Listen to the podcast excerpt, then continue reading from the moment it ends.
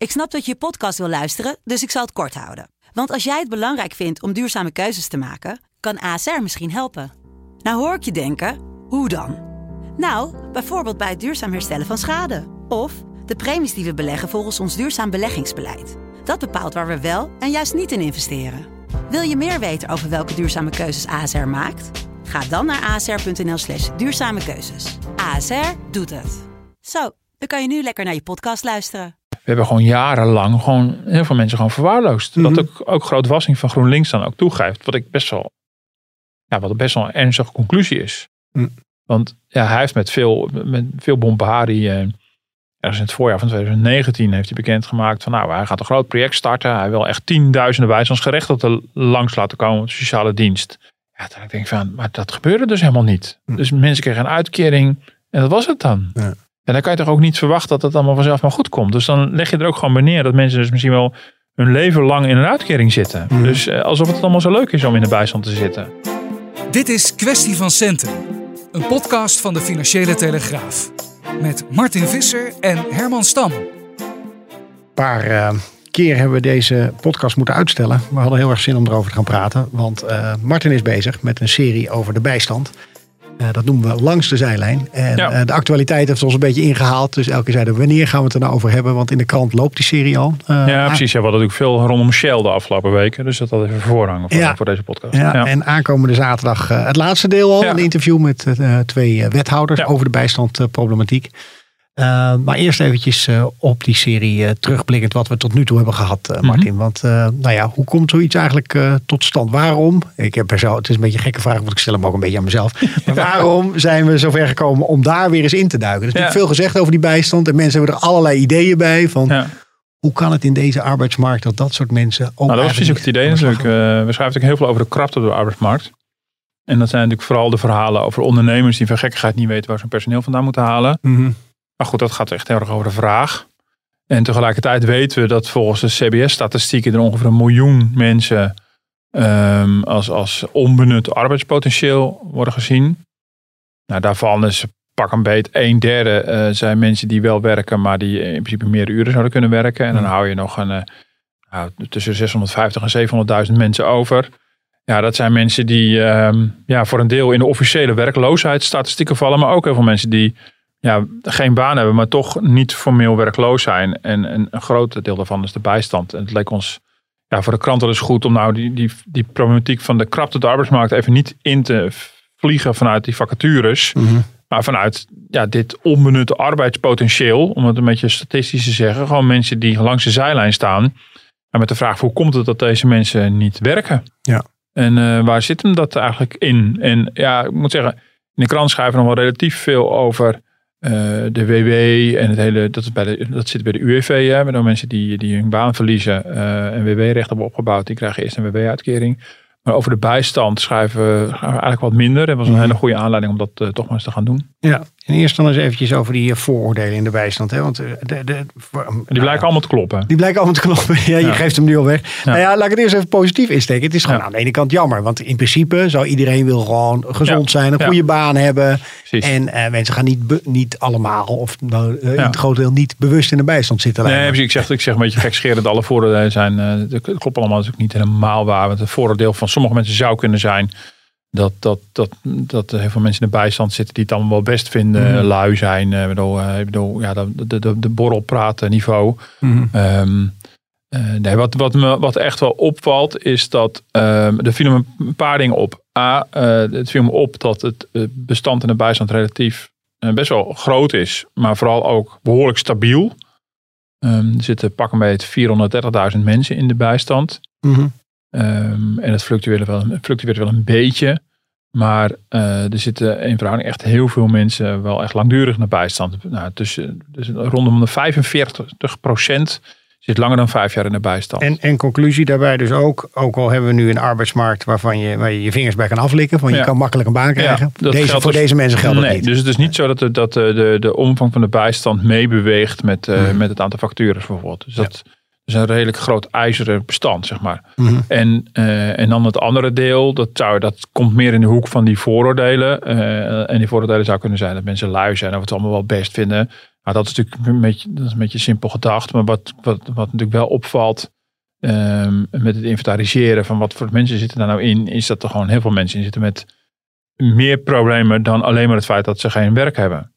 Ehm, en dat horen de, nou, in de rondgang experts natuurlijk voortdurend terug. Eh, ja, er kunnen mensen zijn met eh, eh, psychische problemen. Mensen sowieso met schuldproblematiek. En dat is een beetje kip of ei. Nou zijn ze door die schuldenproblemen langs de rand komen te staan, langs de kant komen te staan. Of, of hebben ze schuldenproblemen gekregen omdat ze in de bijstand zitten. Mhm. Het kan allebei de kanten opwerken. Mensen met vers- verslavingsproblematiek. Eh, statushouders kunnen het zijn die onvoldoende Nederlands spreken. Ehm, eh, ja, ook, ook wel duidelijk het klassieke beeld van een complete gezinnen, complete stellen in de bijstand. Dat is steeds minder het geval. Het zijn ook heel veel eh, eh, alleenstaande inmiddels, soms alleenstaande met kinderen, maar ook gewoon alleenstaande zonder kinderen. Hm. Dus wat je, wat je terug hoort is eh, eenzaamheidsproblematiek, ehm, afnemende sociale contacten. Ehm, eh, ja, en, en ja, dat is, op een gegeven moment is het ook zelfversterkend. Wat ik echt heel veel heb gehoord is van, ja, op een gegeven moment wordt, wordt, wordt de bijstand een soort way of life. En dat zou een soort bevestiging van het vooroordeel kunnen zijn. Alleen het is natuurlijk allemaal best wel treurig. Want Mhm. de bijstand is in Nederland nou, voor een alleenstaande pak een beetje 1000 euro. Krijg je dan wel toeslagen, huurtoeslagen en dergelijke. Hm. Maar is natuurlijk het, echt het absolute sociale minimum. Dus daar En je Ja. moet ook eerst een deel van je vermogen, eerst moet je je vermogen natuurlijk opmaken. ja, als daar sprake van is natuurlijk. Hè. Bedoel, nee, inderdaad, het is een vermogenstoets. Wat Mhm. niet voor de WW geldt, dat geldt wel voor de bijstand. En, ehm, ehm, maar ja, dat zijn dus mensen met, met, met, met vrij veel bijkomende problematiek.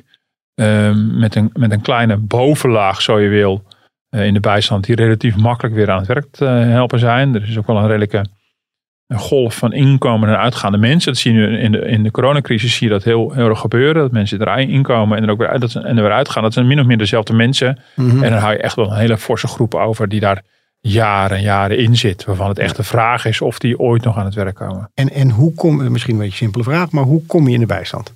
Ja, nou dat, eh, dat kan bijvoorbeeld zijn eh, als je gewerkt hebt en ehm, na je WW-uitkering op een gegeven moment eh, dat die WW-uitkering ehm, ehm, afloopt. Hangt een beetje van je, van je leeftijd af, van je, van je arbeidsverleden of je, hoeveel jij recht hebt op eh, WW. Ja. WW-duur is ook in de loop van de tijd steeds verder verkort. En dan kan je, daarna kan je in de bijstand terechtkomen. En dan word je dus overgeheveld van de kaartenbak van het UWV naar het kaartenbak van de sociale dienst in jouw gemeente. Ja, Want de ja. gemeentes zijn verantwoordelijk voor de bijstand. Mhm. Eh, maar het kan ook zijn dat je direct, direct in de bijstand komt omdat je helemaal geen WW-rechten hebt. Dat kunnen jongeren zijn of mensen die helemaal überhaupt nooit gewerkt hebben. Of eh, mensen die eh, ehm, eh, vanwege hun contracten geen, geen WW-rechten opbouwen. Mhm. Ehm, dus, dus dat is ook mogelijk. En dan kom je rechtstreeks in de WW. Nou, nu in de coronacrisis zie je dat. Bijvoorbeeld jonge, jonge flexwerkers die rechtstreeks de, eh, rechtstreeks de bijstand in, ingaan. En dat is dan misschien net weer een populatie die redelijk makkelijk weer ehm, aan het werk te helpen is. Die dus wel op die vacatures passen. Ja. En voor mij vergat ik nog één, één ding te zeggen over de, de, de karakteristieken van bijstandsgerechten. Dan is dat gemiddeld genomen het eh, opleidingsniveau heel erg laag is. Mhm. Ehm, dus, ja, laag tot, tot afwezig, zeg maar. Dat Ja. bestaat ook dat je gewoon, gewoon geen, eh, niet voldoende basisopleiding hebt. Ja, dan wordt het echt ook ongelooflijk moeilijk om ergens voor te kwalificeren. Ja. En ik las ook een meerderheid aan vrouwen zitten in de bijstand. Ja, ja. en eh, er zit ook wel een alleenstaande moeders zitten er onder Ja. andere in. En eh, je ziet ook een toename. de verhouding tussen man-vrouw wijzigt ook. Ehm, ehm, dus dat zie je. Klassiek is heel veel, heel veel mannen. En dat zijn ook steeds meer vrouwen geworden in de loop van de tijd. Mhm. En wat je ook ziet is dat de, de, de niet-westerse allochtonen, die populatie eh, is ook in de loop van jaren steeds eh, verder gegroeid. Mhm. Dus, ehm, dus, dus, ja, dus, nou goed, en dat, dat, dat kan bijvoorbeeld ook, dat kunnen ook voormalig asielzoekers zijn, de statushouders. Dat is een, eh, een mogelijkheid. Waarbij het interessant is overigens, maar dat is een van de vervolgverhalen, is, eh, er komen we misschien nog wel op, dat bijvoorbeeld bij allerlei banenplannen die zijn geweest, sommige ondernemers eigenlijk wel geïnteresseerd zijn in die statushouders. Mhm. Want die hebben natuurlijk een hele specifieke reden waarom ze niet in een bak komen. Namelijk over het algemeen dat ze of niet geïntegreerd zijn of de taal niet spreken of allebei. Mhm. Maar eh, daar is niet per se een gebrek aan motivatie. En Ja. dat is, en zo, daarom zei ik zo ja op dat vooroordeel. Ehm, eh, wat ik ook voortdurend hoor is als mensen langdurig in de bijstand zitten. Ze hebben heel veel problematiek. Ze zien dat ze eigenlijk gewoon geen enkele kans op de arbeidsmarkt maken. Ja, dat zorgt op een gegeven moment ook dat die motivatie ook totaal weg is. Dus dan, dat, dan wordt het een way of life. En dan als buitenstaander kan je denken van nou, die mensen vinden het blijkbaar wel best. Ehm, maar dat is, dat is dan met je de, de ja, met je de populistische of populaire vertaling. Maar mensen die natuurlijk echt actief bezig zijn met, met de bijstand, die zeggen ja, dat is op een gegeven moment, ja, als je zo lang in de bijstand zit, en je hebt het gevoel dat er niemand meer op je zit te wachten, ja, dan, ja, dan, en je wordt aan je lot overgelaten, hoor ook steeds terug, aan je lot, de facto schrijven, schrijft de overheid, schrijven als samenleving, schrijven gewoon een paar honderdduizend mensen af. Mhm. Eh, ja, nogal wie dus dat dat niet echt al de best is voor je motivatie na zoveel jaren. Ja. Uh, gaan we het zo zeker over hebben, over al die projecten. Melkertbanen is misschien wel het meest eh, bekende voorbeeld. Ja. Eh, maar eerst nog eventjes over die gemeentes. Want hoe werkt het dan eh, voor zo'n gemeente? Levert dat ko- kosten op natuurlijk. Ja. Krijgen ze alles één op één vergoed van het Rijk? Van, nou, eh, stel je van wat kleinere gemeente, daar heb je zoveel bijstand. Ja. Nou, er zijn allemaal modellen voor. Op een gegeven moment ehm, eh, is de bijstand gedecentraliseerd. Mhm. En ehm, zijn de, de gemeentes ook financieel verantwoordelijk geworden voor de bijstand. Dus ze krijgen dan vanuit het Rijk krijgen ze dan een budget. In totaal is het bijstandsbudget is, eh, een kleine 7 miljard euro voor de uitkeringen. En er zijn allerlei modellen op basis waarvan be- berekend wordt wat bij jouw gemeente past. En de gedachte is wel een beetje dat als het, als het je lukt om iemand uit de bijstand te krijgen, dat, het ook, eh, dat je er ook wel eh, een, een prikkel voor krijgt, zeg maar. Dat Mhm. ook, eh, het is niet zo dat je het meteen allemaal weer moet inleveren. Dus er zijn allerlei modellen. En als jij echt, weet ik veel, de grote steden hebben weer een andere verdeelsleutel dan, dan, dan kleinere plaatsen. En als je het gewoon beter doet dan, jou, dan jouw peers, zoals dat dan heet, in, Mhm. eh, in managementtermen, als de vergelijkbare groepen, dan is dat, is dat voor jou gunstig. Dus er zit wel een soort van financiële prikkel in om, om mensen uit de bijstand te krijgen. Eh, en nou goed, dat is een, een kleine 7 miljard. Ehm, maar ja, wat steeds. eh, En dit, overigens is de bijstand tegenwoordig ondergebracht in de participatiewet. Dus eh, als je over de bijstand eh, hoort en leest, dan kom je dat ook steeds tegen. En daar is de, de, de, de sociale werkvoorzieningen in ondergebracht. En wat er nog van over is, dat wordt Mhm. stapsgewijs helemaal afgebouwd. Eh, en, eh, ehm, en daar zit ook beschut werk. Dat, is, dat zijn er nieuwe pogingen om mensen die met afstand hebben tot de arbeidsmarkt beschut werk. beschut werk heet ja. tegenwoordig, om die een plek te geven. eh, het, liefst, eh, het liefst gewoon eh, als, in een echte baan, in een Mhm. bedrijf of bij een overheidsorganisatie. Ehm, dus er zijn al die, eh, al die vormen van ja, sociale werkvoorziening, uitkeringen, die zijn allemaal in één participatiewet ondergebracht. Maar het bijstandsdeel is dan een kleine 7 miljard euro. Eh dat wordt door het Rijk gefinancierd en de gemeente die moet het daarmee dan doen. Mhm. Eh, en die hebben dan eh, daarnaast nog een, een, een speciaal budget voor reïntegratie, voor het aan het werk helpen van mensen. En de algehele klacht die je daarover hoort, is dat dat, uitgerekend dat budget, dat daar enorm op bezuinigd is. Mhm. Inmiddels is dat ongeveer 500 miljoen. Maar dat was, dat was nou, in 2010, 2011 was het drie keer zo hoog. Dus, ehm, eh, en, en daar worstelen gemeenten heel erg mee. Ze zeggen ja, we krijgen wel ja, min of meer de, bij, de bijstandsuitkering vergoed die we moeten uitbetalen. Maar ja, deze populatie, nou we schetsten hem net, eh, is niet zo gemakkelijk aan het werk te krijgen. Dus het kost vrij veel tijd en inspanning en dus ook heel veel geld om mensen aan het werk te krijgen. En ja, dan wordt gezegd, dan, dan, dan, ja, dan zijn de budgetten daarvoor ontoereikend. Voor, voor, voor je beeld, ehm, voorheen kreeg een gemeente, uh, pak een beet, 4500 euro per bijstandsgerechtigde per jaar om hem aan het werk te helpen. Dat komt mij nogal veel over. Ja. Uh, ieder jaar weer, dat is meer dan wij aan een scholingsbudget hebben. um, uh, um, durf wij zijn al heel erg geschoold natuurlijk. Kijk, wij zijn enorm geschoold. Nee, dus in die zin is het misschien ook een beetje appels en peren. Maar toch, ja, 4500 euro. Maar nu is het 1500. Mhm. Dus het is echt uh, gedeeld door drie gegaan. En, uh, en wat je dus ziet, en dat is echt wel heel tragisch, is dat gemeentes, omdat ze natuurlijk een financiële prikkel hebben om mensen uit de bijstand te halen, is dat ze die, die kleinere budgetten voor reïntegratie inzetten op de makkelijkste doelgroep. Mhm. Dus die bovenlaag de, van mensen die misschien ook wel uit zichzelf weer aan de bak zouden ja. kunnen komen. Uh, ja, je hebt een enorme stimulans als gemeente om te zeggen van nou weet je wat, als we daar ons geld op inzetten, dat is de snelste, snelste winst. Um, ja, nou goed, je mag hopen dat de gemeente ook een soort sociale doelstelling heeft. Maar ja. zegt ja, dat, dat loont niet. En zeker niet als je, zoals jij deze hele schets doet, dat het best wel uh, in veel gevallen een kansloze situatie is. Dat je ook denkt van ja, ja. Ik, ik, las iets in het verhaal van de, de, trek aan een dood paard, ja. werd dat uh, ja. genoemd. Hè? Ja, nou ja, dat is, vind ik echt wel het treurige beeld hoor. Dat, uh, en en um, Nou, dat wordt ook, ja, dat, dat eigenlijk in het eerste verhaal wat ik maakte, werd dat door verschillende deskundigen ook wel hardop gezegd. En mijn vraag was ook, schrijven deze mensen gewoon eigenlijk niet af? Ja, dan was het antwoord, ja, dat doen we. Ja. En dat gaat dus om honderdduizenden mensen. En Ja. dat is best wel een treurig gegeven. En ik denk, ja, maar zouden die mensen dan echt nooit meer aan het werk kunnen komen? Nou, ja, tot nu toe is het beleid erop gericht eh, van niet. Ja. Mhm. En als je dan natuurlijk, eh, wat we nu in het laatste verhaal doen, wethouders die hierover gaan erop aanspreekt. Ja, hebben ze natuurlijk allemaal grote woorden over wat ze allemaal graag zouden willen. En, eh, en dan zegt ja, dan Mhm. wijzen ze allemaal naar de budgetten dat het allemaal niet kan. En, maar ja, ik vind het een hele treurige constatering. Dat je, ehm, ja, dat je dat dus doet. Dat je zoveel mensen daarin laat zitten. En dat gaf... eh, Zou, zou je de beloning niet groter moeten maken voor de, geval, voor, voor, Ja, voor de mensen die er veel langer in zitten? Nou ja, nou ja, de gemeente wil natuurlijk die budgetten groter maken. Mhm. Ja, dat vind ik heel moeilijk om te beoordelen. Dat vind ik wel lastig. Ik kan constateren dat er bezuinigd is. Dat klopt. Decentralisatie eh, staat vaak eh, gelijk aan bezuinigen. Want dan is het overhevelen van een taak van de Rijksoverheid naar de gemeentes. Nou, dat hebben ze met, met, met meer dingen. Met de jeugdzorg en andere Mhm. Dingen ook wel gezien die, eh, die gedecentraliseerd werden. En dat is altijd een mooie manier om meteen ook eh, flink in het budget te snoeien. Want ja, waarom zou je het als Rijksoverheid anders doen? Ehm, dat doen ze meestal niet, omdat ze denken dat het lokaal beter uitgevoerd kan worden. Maar er zit meestal een financiële reden achter. Mhm.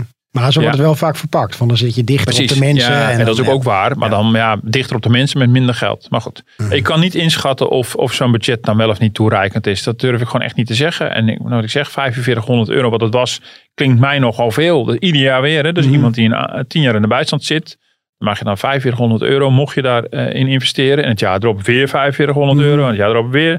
Dat lijkt mij nogal veel. Maar ehm, ehm, eh, en misschien is 1500 wel weer heel erg weinig. Want je zou willen dat dat het succes heeft meteen in een eerste jaar. En dan, ja, dan is die persoon eruit. En dan, dan heb je volgend jaar weer 1500 euro voor een nieuwe bijstandsgerechtigde. Ja. Eh, dus dat is misschien weer een beetje krap. Eh, ja, je zou die prikkel kunnen vergroten. Al, al heb ik dat niet echt teruggehoord. Dat dat nou het algemene gevoel is van... eh, dat, Mm. het is een beetje ontstaan ook in de tijd dat er gedacht werd... Van, ook een soort van marktwerking op, op dit terrein. Hè? Van, weet je, maak gemeentes maar financieel eigenlijk verantwoordelijk hiervoor. En dan hebben ze er zelf financieel belang bij... om, eh, om mensen uit de bijstand eh, te halen. Want ja, daar houden ze, houden ze geld aan over. En dat, ja, dat lijkt toch niet echt op die manier eh, te- werken. Maar ja, Mhm. weet je, als je die, die prikkel er niet in zou stoppen, ja, dan is er überhaupt geen belang. Bedoel, dan Ja. wordt het een soort doorgeefluik van uitkeringen. Dat is natuurlijk ook weer niet de bedoeling. Ja. En, want je schetst dat beeld hè, over die gemeente. Volgens mij is het vooral de grote steden die veel Ja. bijstand de- Ja. de- de- uit moeten keren. Eh, is het voor zo'n kleine, kleine eh, stad, is dat dan nog veel moeilijker? Hebben zij niet genoeg mensen in dienst om dit goed te Ja. kunnen begeleiden? Hoor je dat soort verhalen? Ja, nou, dat is wel, er is inderdaad een groot verschil tussen eh, Amsterdam, Rotterdam en Den Haag. Dat zijn echt de, de grote, de, de, de, waar, de, waar, de, waar de meeste bijstandsgerechtigden zitten. Utrecht veel minder, heeft een andere structuur. Die, die, die, die, een andere bevolkingssamenstelling. Structuur van de lokale economie is heel anders. Dus die drie steden hebben in verhouding heel veel mensen in, in de bijstand. En ja, weet je, ik, eh, we hebben het, het, het tweede verhaal ging over alle banenplannen in de kassen Mhm. eh, in het Westland. En heb ik contact gehad met de gemeente Den Haag, eh, waar, waar het gaat om tienduizenden bijstandsgerechtigden. Maar ook met de gemeente Westland, waar het om, nou, ik weet niet meer hoeveel het was, honderden, 1500 geloof ik, maar dat weet ik niet precies, maar honderden bijstandsgerechtigden ging. Ja, dat is dan een voorbeeld misschien van een kleine gemeente, waarvoor het misschien moeilijker is om dat allemaal te organiseren. Maar toch in het contact wat ik had met Westland, was mijn beeld dat niet. Die hadden zoiets, ja, bij ons komt, ja, komt het gewoon veel minder vaak voor. De lijnen zijn korter. Ehm er is natuurlijk, ja, dat, dat is natuurlijk van belang voor het, ja, voor het proberen succesvol te plaatsen van, van langdurig werklozen. Dat je natuurlijk ook de ondernemers kent. Dat je weet wat de vraag is van ondernemers.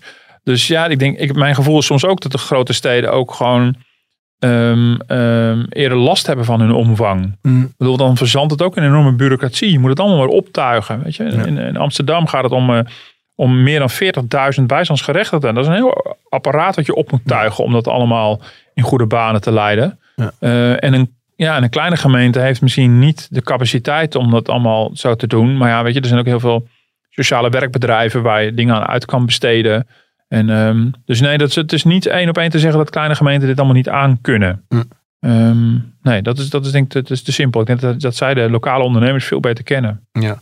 Ja, het is een mooi bruggetje naar die projecten. Want uh, nou ja, je gaf een voorbeeld hè, van uh, een bussenproject. Ja. Uh, we zullen het straks even over die melkertbanen hebben. Ja. Maar dit is ook een soort spookbeeld, als ik het goed begreep, ja. van 1200, zeg ik het goed? 12, 1200 mensen met bussen elke keer naar de, naar de kassen om daar te helpen. Ja. ja, dat is natuurlijk een steeds voor, terugkerend voorbeeld. Maar er was een nul, er was er niet één blijven werken nou, uiteindelijk, een enkeling. toch? Of ja. Nee, de gedachte was van, we, we, we proppen allemaal bijstandsgerechtigden in een bus in, Amsterdam, in Rotterdam en die rijden allemaal naar de kassen toe. En dan mm gingen ze daar stage lopen. En uh, in eerste instantie een rondleiding, gewoon kijken. Ja, dat bleek totaal, uh, totaal niet te lukken. Overigens heb ik de, die voormalige wethouder ook nog heel even contact mee gehad. En die was daar, uh, die was er wat minder sceptisch over. Dat is een P van de A. Die, die vond dat het wel best geslaagd was. Mm. Misschien niet in aantallen, maar wel in alle contacten die het heeft opgeleverd tussen, tussen Rotterdam en al die ondernemers. Nou, ik betwijfel dat ten zeerste, want de sector zelf is er helemaal niet blij mee.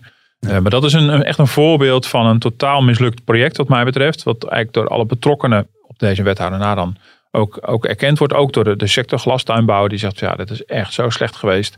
Want daar zie je dat werkt dus niet. Je met een, we begonnen natuurlijk te schetsen hoe, hoe ingewikkeld deze groep is. Um, dat betekent dus dat, dat je dus niet aan ontkomt om daar op persoonsniveau echt maatwerk te leveren. En dan kan je niet zeggen, nou, we sturen ze met bussen vol naar het Westland en we zien wel waar het schip strandt. Ja, dat schip strandde dus inderdaad. Mm um, nee, dus dat, is, dat, heeft, dat heeft totaal niet gewerkt. En het enige wat tot nu toe uit de verhalen blijkt dat werkt, is inderdaad maatwerk. Maar het nadeel daarvan is, dat is een hele kleine schaal. Ja. Het gaat om echt hele kleine aantallen. En ik vond het intrigerend. Ik wilde een verhaal maken over alle soorten banenprojecten die er zo al zijn geweest in de afgelopen jaren. Ja, en toen vond ik toch dit in, in die kassen van het Westland weer zo interessant. Um, dat uiteindelijk uh, uh, ja, heb ik daar heel erg op gefocust. Omdat het heel goed aan de hand van één zo'n sector weergeeft. Ja, hoe ongelooflijk moeilijk het is. Want dit is een sector die ook aangeeft. Ja, we hebben het gewoon los van die bussen uit Rotterdam. Al die jaren keer op keer geprobeerd. Ik heb een aantal mensen gesproken. Een voormalig uh, directeur van, van een groot bedrijf. Wat in, in, in, in, in planten deed. En iemand die nu bij een orchideeënkwekerij ook werkt. Mensen die ook echt jaar na jaar echt geprobeerd hebben van die sociale projecten samen met de gemeente uh, op te tuigen. En die ook aangeven, het is gewoon ongelooflijk moeilijk. Het meeste is gewoon een mooie dood gestorven, zo zijn mm. die mensen het. En, uh, en toch proberen ze steeds weer opnieuw. Ja. Want ja, ze vinden ook, ze hebben dan in dit geval in de kassen werken ongeveer 125.000 mensen in het Westland. 60.000 komen uit Oost-Europa. Ja. Nou, ik heb even gekeken naar de bijstandspopulatie van Rotterdam en Den Haag. Dat is ook ongeveer 60.000. Ja. Ja, maar je krijgt ze niet één op één op die plekken. Nee, nee bedoel, natuurlijk snap ik ook wel, niet iedereen eh, die in Rotterdam of Den Haag in de bijstand zit, is automatisch geschikt voor het werk in de kassen. Dat begrijp ik wel. Maar je voelt wel getalsmatig aan, dit zit natuurlijk niet lekker. Ja. En die werkgevers die, die zeggen daar ook mee te zitten. Maar ja, in de praktijk denken ze, ja, weet je, ik heb liever gewoon een gemotiveerde pol dan moeten sleuren aan iemand uh, die, ja. die uit de bijstand in Den Haag die helemaal gewoon niet wil. Ja, ja dat is uh, of die. En je zou die denken, kan... en daar komt misschien wel weer een vooroordeel, maar zo moeilijk kan het ook weer niet zijn om dat werk toch te nou doen. Ja, dat, dat vond ik ook dus een eye-opener. Um, dat, dat zou je denken. En het is ook niet zo dat het heel hooggeschoold werk is. Maar ja, het is ook wel, uh, de productiviteit is hoog. Mhm. Uh, maar je komt al op dingen aan als ze op tijd komen. Ja. Of uh, vervoer. Hoe kom je er? Ja, die bus in Rotterdam, die was, uh, bedoel, ja, die reden, het was niet de bedoeling dat ze iedere dag gingen rijden. Dat was soms natuurlijk ook gewoon rond te leiden in die kassen. En op een gegeven moment ja, moeten mensen natuurlijk ook zorgen dat ze zelf vervoer hebben. Nou, dat is ook hele basale dingen. Ja. En dan kwamen die werkgevers ook achter van, oh ja, maar mensen komen niet automatisch op tijd. Bedoel, dat hebben ze al die jaren niet hoeven doen. Um, dat zit niet in hun systeem. Of ze hebben kinderen en ze krijgen dat niet, niet, niet gefixt. Mhm. Dat, dat vervoer is een probleem. Het is natuurlijk ook, uh, uh, uh, het is misschien niet, bedoel, ja, je hebt niet een enorme opleiding nodig misschien om, om dat, dat werk te doen. Hangt ook een beetje vanaf wat je doet. Voor ik al het werk in de kas over één kam scheer. Mm. Maar je moet inderdaad wel gewoon stipt zijn, uh, productief, uh, hard werken. Uh, ik denk wat er best wel aanpoot is en hard Ja. werken is. En dat, Misschien is dat precies zijn. het moeilijkste eigenlijk ervan. En dat is die precies het moeilijkste, ja. En dan wil je liever een gemotiveerde pol Ja. die daar wel... ja, en wat je eh, dan ook hoort van, trappen, weet je, als er iemand gaat werken met enorme schuldenproblematiek. Mhm. Dat, dat heeft een enorme impact op je, op je, op je, op je zijn. Uh, dat, is, dat, dat dragen mensen als een last met zich mee.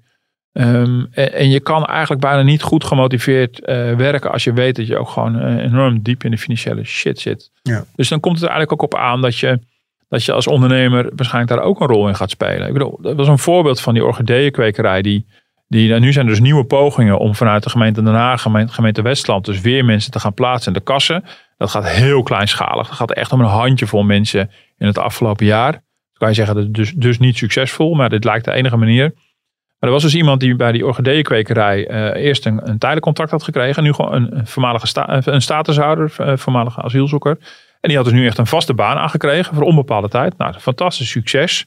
Um, en, en die kreeg een loonsverhoging. En die raakte ineens in een probleem met zijn toeslag. Mm -hmm. um, maar die kwam er ook helemaal niet uit met zijn huurtoeslag.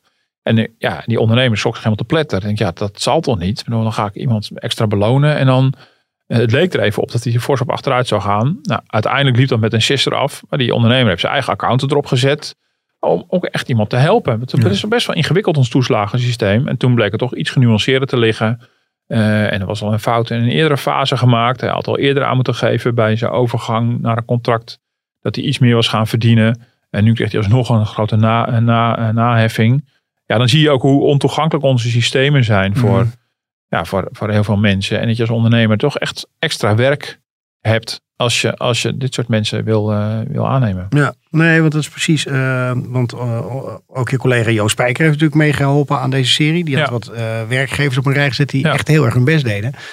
En uh, daar las je ook wel heel erg tussendoor van uh, er zijn zoveel regeltjes ja. komen op me af als werkgever om dit te kunnen regelen. Ja, ja, het is vaak uh, meer, het lukt ze ondanks dan dankzij mm -hmm. alle regels en bureaucratie en gemeenten. En ja, we vonden het inderdaad ook leuk om niet alleen maar die kommer kwel op te schrijven, maar ook, ook positieve gevallen. Ja. En het zijn in dit geval hebben we hebben drie ondernemers geselecteerd, ook allemaal heel kleinschalig.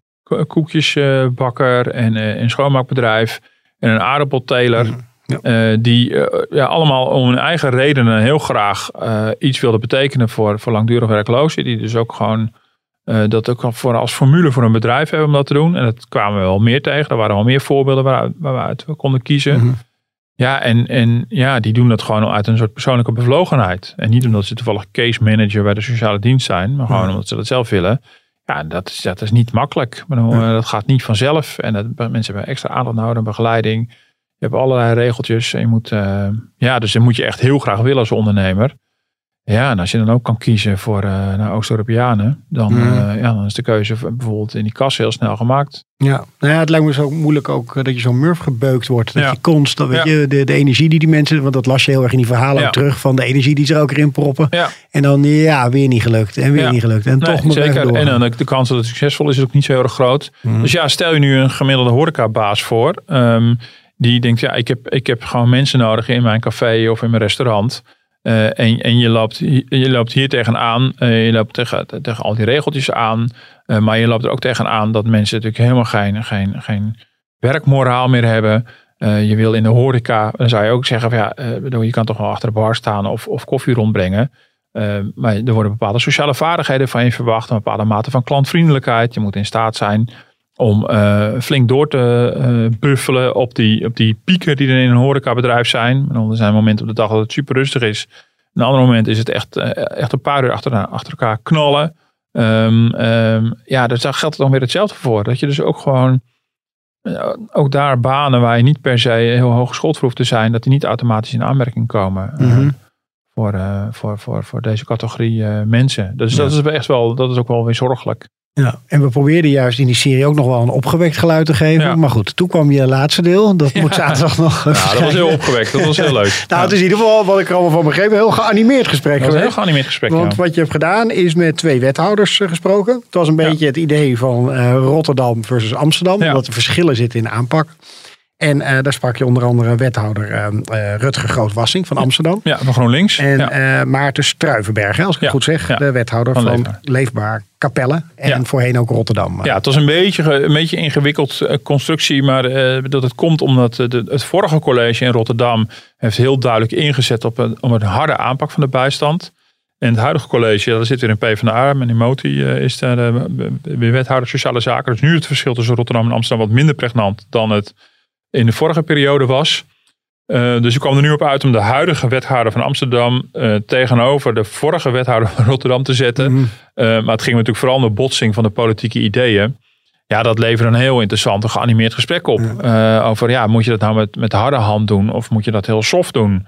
En over een heel aantal dingen waren het wel eens. Namelijk dat ze ook gewoon willen dat zoveel mogelijk mensen als kan aan het werk komen. Dat ze armoedeproblematiek willen voorkomen.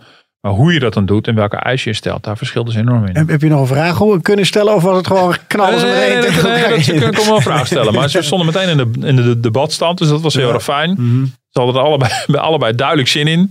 En eh, eh, dus dat was heel erg leuk. En ja, en ze realiseerden zich ook wel van ja, weet je, wij vertegenwoordigen allebei ook gewoon een andere politieke stroming. Dus het mhm. kan soms ook heel nuttig zijn. Eh, kijk, een debat is niet altijd per se bedoeld om aan het eind dat een van beiden overtuigd is. Een debat kan ook gewoon, kan ook heel, in dit geval ook heel nuttig zijn om te laten zien van ja, je kan er op twee manieren tegenaan kijken. En dan mhm. is het aan de lezer in dit geval om te bepalen waar hij zich het beste bij voelt.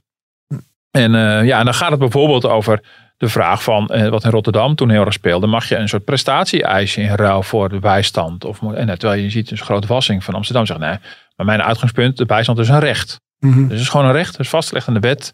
Wij zijn het gewoon verplicht om dat uit te keren. En dat is de basishouding. En dan zegt Struivenberg, ja, maar ja, natuurlijk, juridisch klopt het allemaal. Maar ik zie, ik zie, het, ik zie het toch een beetje anders. Ik bedoel, uh, ik zie een soort, soort, soort plicht vanuit de maatschappij om om te zien naar mensen die anders uh, aan hun lot worden overgelaten. Dus een soort, soort plicht eh, als, als maatschappij om die bijstandsuitkering te geven.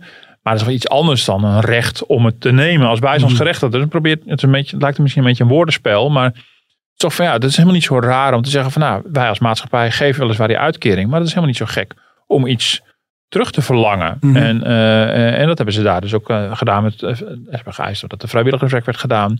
De mensen die nieuw in de bijstand waren, die moesten soms ook eh, een dag in de week papier prikken. Nou, dat was destijds heel veel om te doen. Um, uh, ja, daar moet Grootwassing van GroenLinks helemaal niks van hebben. Hmm. Die, die wil helemaal wegblijven bij elke vorm van, van, van eisen of dwang. Ja, je ziet wel, in Rotterdam hebben ze hebben ervoor gekozen bij het vorige college al om gewoon heel veel bijstandsgerechtigden weer langs te laten komen. Dat ze iedereen zagen. Mm In Amsterdam de treurige conclusie is dat ze gewoon heel veel mensen ongezien zijn gebleven de afgelopen jaren. Ja. En, uh, nou goed, dat, uh, deze vraag stel ik niet alleen als Feyenoord-fan. Ik wil natuurlijk altijd dat Rotterdam wint. Maar in dit geval is het wat anders. Maar uh, wie, wie wint nou die wedstrijd als je zo tegen elkaar zit? Nou, er zijn ook wel onderzoeken naar gedaan. En dan, dan blijkt een beetje, zo gezegd, dat, dat de harde of zachte aanpak niet zoveel uit zou maken. Maar ja, ik, ik, had, een, ik had zelf een grafiek uitgedraaid en die ook meegenomen in het gesprek. En ja, dat leidde wel, dat was het leukste deel van het gesprek eigenlijk. dus ik legde op een gegeven moment dat op tafel. Um, ja, en dan ja, daar kan je toch wel zien dat ergens in de loop van die collegeperiode van Leefbaar in Rotterdam uh, er een soort kentering is gekomen waarbij de afstand tot Amsterdam gaandeweg steeds groter werd. Mm. Dus dat vond ik wel opvallend. En dat ging natuurlijk helemaal over die collegeperiode heen. Dus tot, tot, tot, tot ver in 2000, want zij zaten van begin 2014 tot, tot begin 2018 in het college. En tot, eh, tot ver over uh, de, de, de 2018 heen zie je dat het verschil steeds groter worden. Dus um, ja, dat, dat levert nogal consternatie op. Want ik vond het heel interessant. Rotterdam heeft, uh, heeft, heeft eigenlijk altijd minder bijstandsgerechtigden. Als je het eh, relateert aan de omvang van de bevolking, hebben ze, in, hebben ze relatief eigenlijk wat meer. Um, maar er was een moment uh, ja, in, in, in 2016, in begin van 2016. Toen zat het college van Leefbaar zat er net twee jaar. Toen was het aantal bijstandsgerechtigden in beide steden precies even hoog. Dat was mhm. echt opmerkelijk. En uh, dat is eigenlijk heel gek. Dan scoorde Rotterdam dus eigenlijk heel slecht. En, en vanaf dat moment komt er een kentering. En dus dat is een beetje vanaf de, de, in, in de tweede helft van, van, van die periode. En dan zie je dat, de, dat, dat de, de bijstandspopulatie in Rotterdam duidelijk gaat dalen. En steeds verder af komt te staan van die in, in, in Amsterdam. En ja, terwijl dus in begin 2016 het even groot was. Uh, zie je dat uh, gaandeweg zakt dat steeds verder weg. En is de Rotterdamse populatie nog maar 90% van de Amsterdamse. Mm -hmm. um, ja, dus die grafiek leg ik op tafel. En, ja. en uh, ik, ik, dacht van nou, en dan zijn we klaar. Maar dan hebben we nog een kwartier uh, groot was. En ik had zoiets, ja, ja, hallo, wat moet ik hiermee? Dat zijn absolute mhm. cijfers, zeg maar allemaal helemaal niks. En die begon de coronacrisis erbij te halen. Mm -hmm. En ik kan allemaal uitleggen van, nee, kijk nou wat daar gebeurt. En je ziet gewoon dat het uit elkaar gaat lopen. Nou, die Struivenberg vond het natuurlijk fantastisch. Dus die was heel triomfantelijk. Ik zeg, ja, dit zegt alles, dit bewijst alles. En, uh, en toen kwam het slot van het gesprek. En dat was toch wel interessant. We hadden het dan toen niet over gehad. Toen zei Grootwassing, ja, maar ik weet hoe het komt. Want jullie hebben gewoon heel veel uh, uitkeringen beëindigd. Hm. En dat doen wij niet. Want wij zijn veel, uh, veel menselijker, veel hm. menslievender. Waarop inderdaad leefbaar zei. En dat was een, ook, ook een onderdeel van, het, van de tegenstelling tussen die twee. Ja, inderdaad. We hebben heel veel heronderzoeken gedaan. Op het duur hebben we 6000 per jaar een hersenonderzoeken gedaan. Gewoon checken, hebben mensen eigenlijk wel recht op die bijstand? Mhm. In de meeste gevallen uh, bleek dat het zo was. Maar ja, bij zoveel heronderzoeken kom je ook veel fraude tegen. Ja. Was het verhaal van Struivenberg. En dat leidt inderdaad tot beëindigingen van bijstandsuitkeringen. En hij zei, ja, ik heb het honderd keer uitgerekend. Maar het kost heel veel mankracht om dat allemaal uit te zoeken. Maar het kan altijd uit. Mm. Want je komt voldoende fraude tegen dat het zichzelf bekostigt. Mm. Ehm, eh, dus dan zie je dat er een financiële prikkel zit in de bijstand. Ook op deze manier. Nou, daar kan je wat van vinden, eh, eh, politiek gezien. Maar het is wel een interessante, verschillende kijk hierop. En die Groot Wassink had, had echt duidelijk zoiets. Ja, daar, ga ik me, daar ga ik mijn schaarse mannenuren echt niet opzetten in, in Mhm. allemaal fraudeonderzoek. En daar hebben ze toen bij Leefbaar heel nadrukkelijk voor gekozen. Ja, en waar speelde zich dat allemaal? Wie, wie had de thuiswedstrijd eigenlijk van de twee? Eh Groot Wassink had dat. We, Oh, zaten, in, eh, ja, we zaten in de Stopera. Ja. Dus eh, eh, ja, ja. Ja. En eh, nee, maar het was een heel... eh, nou goed, het, het, het staat eh, dit weekend in de krant. Dus ik werd allemaal rustig nalezen. Ik denk dat het wel heel, eh, ja, alle dilemma's ook wel goed samenvat. En ook allebei dan ook wel aangeven. Ja, we hebben gewoon jarenlang gewoon heel veel mensen gewoon verwaarloosd. Mhm. Dat ook, ook Groot Wassink van GroenLinks dan ook toegeeft. Wat ik best wel... Ja, wat best wel een ernstige conclusie is. Mhm.